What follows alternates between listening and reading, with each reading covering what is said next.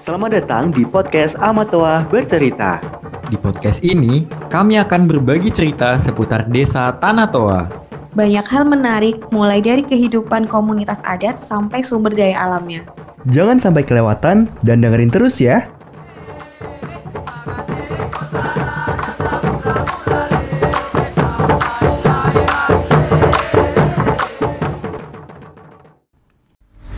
Halo Sobat Toa, ketemu lagi sama aku Kintan Maulin di podcast Amatoa Bercerita. Kali ini aku bakal membahas mengenai kearifan lokal untuk menjaga keseimbangan alam di Amatoa. Penasaran gak nih Sobat Toa?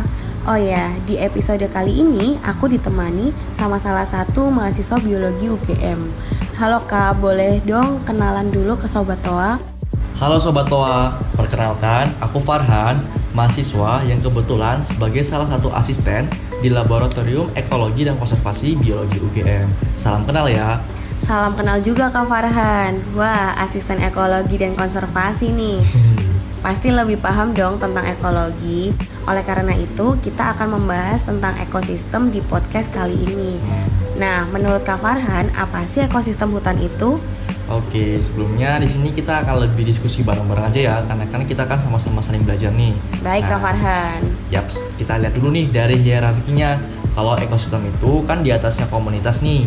Nah, komunitas menurut Krebs yaitu caca populasi dari individu berbagai jenis yang berada pada tempat dan waktu yang sama, di mana saling berinteraksi satu sama lain. Interaksi ini tidak hanya antar spesies aja, tapi juga antar spesies dengan lingkungan fisik dan kimia yang terkait, sehingga dinamakan dengan ekosistem. Oleh karena itu, ekosistem hutan merupakan komunitas yang di dalamnya terdapat kumpulan berbagai spesies dari binatang maupun tumbuhan hingga jasa teknik yang juga saling berinteraksi satu sama lain dengan lingkungan fisik dan kimia hutan. Wah, penjelasan yang sangat menarik dan mudah dipahami ya Kak Farhan tentang ekosistem. Oke, dan tentu saja kita tahu bahwa dalam ekosistem hutan ada banyak banget jenis-jenis spesies. Sehingga keanekaragaman hayati tentu sangat tinggi di dalam hutan.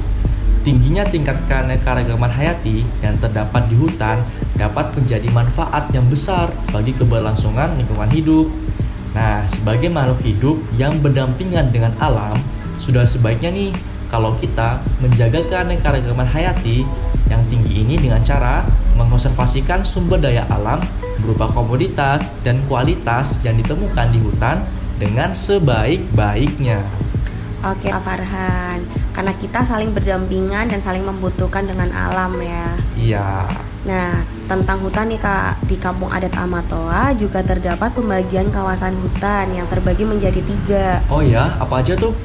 Nah, yang pertama ada hutan karamat atau barong karamaya Hmm, yang merupakan kawasan terlarang untuk dimasuki terlebih mengganggu flora dan fauna yang ada di dalamnya.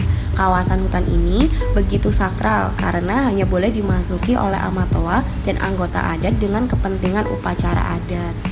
Kelestarian kawasan hutan ini juga sangat alami Kak Farhan karena tidak boleh ada aktivitas manusia yang memanfaatkan sumber daya alamnya. Wah, berarti di hutan ini sangat spesial ya bagi masyarakat adat Amatoa. Benar Kak Farhan, karena semua ritual adat sampai pemilihan amatoa sendiri dilakukan di kawasan hutan tersebut. Wah, selanjutnya ada apa aja nih? Nah, yang kedua itu ada hutan perbatasan atau barong batasaya yang merupakan kawasan yang boleh dimanfaatkan sumber daya alamnya seperti kayu dari pepohonan dengan ketentuan dan atas izin amatoa. Peraturan yang terikat ialah sebelum menebang pohon di hutan, pada kawasan barong batasaya harus menanam pohon sampai pohon tersebut tumbuh dengan baik, baru diperbolehkan masyarakat menebang pohon.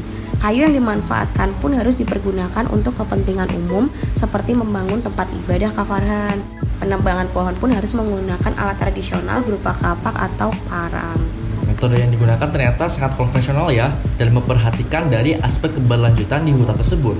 Bener kak, terus selanjutnya ada hutan rakyat nih atau bareng luara. Pada kawasan ini masyarakat diperbolehkan menggunakan kawasan hutan untuk memenuhi kebutuhannya. Bukan cuma mengambil kayu tetapi dapat dijadikan lahan pertanian Akan tetapi untuk kawasan hutan perbatasan dan hutan rakyat masih berlaku peraturan dari Amatoa Yang melarang praktek sewenang-wenangnya dalam memanfaatkan sumber daya alam ternyata keadaan-keadaan di hutannya tuh sangat menggambarkan ya bahwa ekosistem di hutan Tanah Toa masih sangat baik dan kelestariannya terjaga.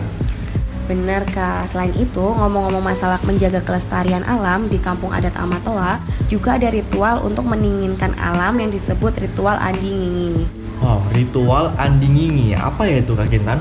Nah, ritual ini semacam ritual ruat bumi dan kehidupan, di mana dalam ritual ini dipanjatkan doa-doa agar dalam setahun ke depan senantiasa diberikan keselamatan dan kesehatan dari Turi Arana atau Tuhan Yang Maha Kuasa. Ritual ini juga dilaksanakan ketika alam dirasa tidak seimbang, misalnya terjadi gagal panen, bencana alam, ataupun hujan yang tak kunjung datang. Berarti dalam ritual ini sangat sesuai nih dengan konsep restorasi ekologi, di mana kita membiarkan alam bekerja secara alami. Oleh karena itu Kak Farhan, sebenarnya sejauh ini masyarakat adat Amatoa telah berhasil melestarikan hutannya yang kini telah diakui oleh pemerintah Indonesia sebagai kawasan hutan adat yang terlindungi. Pelestarian terhadap alam, termasuk hutan adat yang mereka miliki dan perilaku hidup sederhana tidak terlepas dari ajaran leluhur mereka yang diyakini dalam tradisi oral yang disebut dengan pasang rikajang. Wah, sangat menarik ya mengenai pembagian kawasan hutan di Kampung Adat Amatoa dan kearifan lokalnya yang masih terjaga hingga saat ini. Tentunya ini bisa menjadi inspirasi nih bagi kita semua dalam menjaga kelestarian alam, terutama ekosistem hutan. Benar Kak Farhan, karena sebagai makhluk hidup kita harus menjaga lingkungan agar seimbang. Benar, dan tadi juga disebutkan nih bahwa salah satu peraturan yang diterapkan berupa jika ingin menebang satu pohon, maka harus menanam satu pohon yang sama. Tentu ini pun baik untuk kesehatan lingkungan karena di sini upaya yang dilakukan dapat dikategorikan sebagai mempertahankan keberlanjutan eksistensi spesies tersebut agar tidak punah secara cepat. Pelestarian alam ini pun sangat baik banget dalam mencegah kerusakan akibat ulah manusia. Setuju nggak nih Kak Kintan? Setuju banget dong. Sebagai manusia juga berdampingan dengan alam, sudah selayaknya kita harus menjaga keseimbangan. Oh ya, kalau menurut Kak Farhan, penanaman dengan komoditas seragam atau tanaman sejenis itu gimana ya bagi dampaknya untuk lingkungan? Hmm, menarik nih pertanyaannya. Nah, secara ilmu biologi konservasi, sebaiknya kita mempertahankan ekosistem secara keseluruhan, bukan hanya dengan mengkonservasikan salah satu atau beberapa jenis aja. Karena balik lagi nih dari pengertian ekosistem itu sendiri, di mana masing-masing spesies saling berinteraksi dan memiliki perannya masing-masing. Jika hanya satu spesies aja nih yang kita pertahankan dan kita kembangkan, sehingga nanti akan ada istilahnya dia akan dominan atau yang paling banyak ditemukan di menguasai hutan. Nah ini hal yang nggak baik karena dapat mengurangi tingkat keanekaragaman hayati yang ada di hutan tersebut. Oh gitu ya, berarti nggak boleh dong menanam satu jenis aja ya Kak Farhan? Yap, begitu. Misalnya nih, aku kasih contoh ya.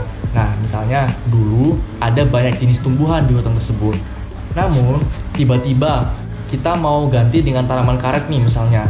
Walhasil, bakal mendominasi dong tanaman karet tersebut. Nah, ini sebenarnya kurang baik nih.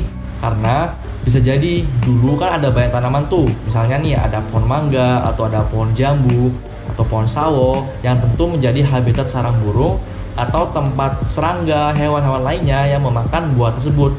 Lalu tiba-tiba diganti nih dengan tanaman karet semua. Oh gitu sih, iya benar sih Kak Farhan karena dampaknya banyak juga ya. Untuk dampaknya sendiri bagaimana Kak Farhan? Yap, maka dari itu tentu habitat bagi hewan-hewan tersebut pun akan hilang. Tidak ada sumber makanan bagi mereka. Akhirnya, tingkat keanekaragaman pun berkurang. Oleh karena itu, kita perlu nih untuk memperhatikan keanekaragaman spesies dan kalau bisa jangan menanam semua tanaman yang sejenis. Sebaiknya nih ditanam secara heterogen dan sesuai dengan tanaman asli lokal dari hutan tersebut. Gitu sih Kak kita.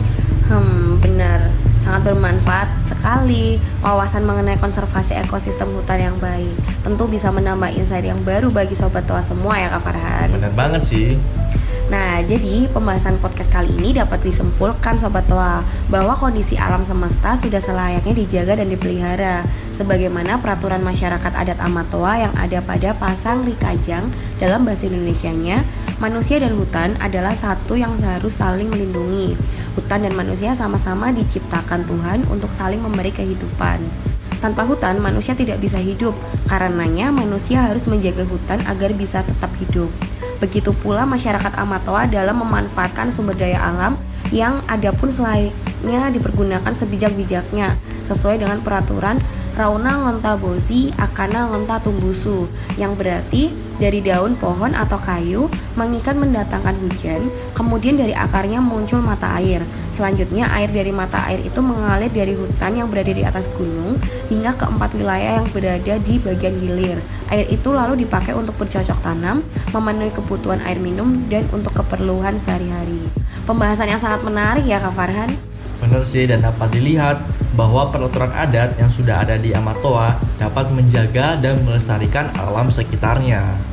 Oke Sobat Tua, sampai di sini dulu podcast Amatoa bercerita. Terima kasih Kak Farhan sudah menemani aku dan Sobat Tua dalam episode kearifan lokal untuk menjaga keseimbangan alam di Amatoa. Sip, terima kasih kembali juga. Senang bisa diskusi bareng nih. Oke Kak Farhan, oh ya sebelum aku tutup nih, yuk kepoin dulu lebih lanjut tentang kampung adat Amatoa di beberapa sosmed kita. Ada yang pertama di Instagram, bisa di @ekowisata underscore Amatoa Kajang. Di TikTok ada ekowisata underscore Amatoa Kajang. Dan di Spotify ada podcast Amatoa Bercerita. Serta ada di Wix Ekowisata Amatoa. Oke deh, sepertinya sudah cukup nih bincang-bincangnya kali ini. Mohon maaf sebelumnya ya apabila ada salah kata dan ikutin terus informasi mengenai kampung adat Amatoa. Bersama, Amatoa, kita buat cerita. Terima kasih. Sampai jumpa.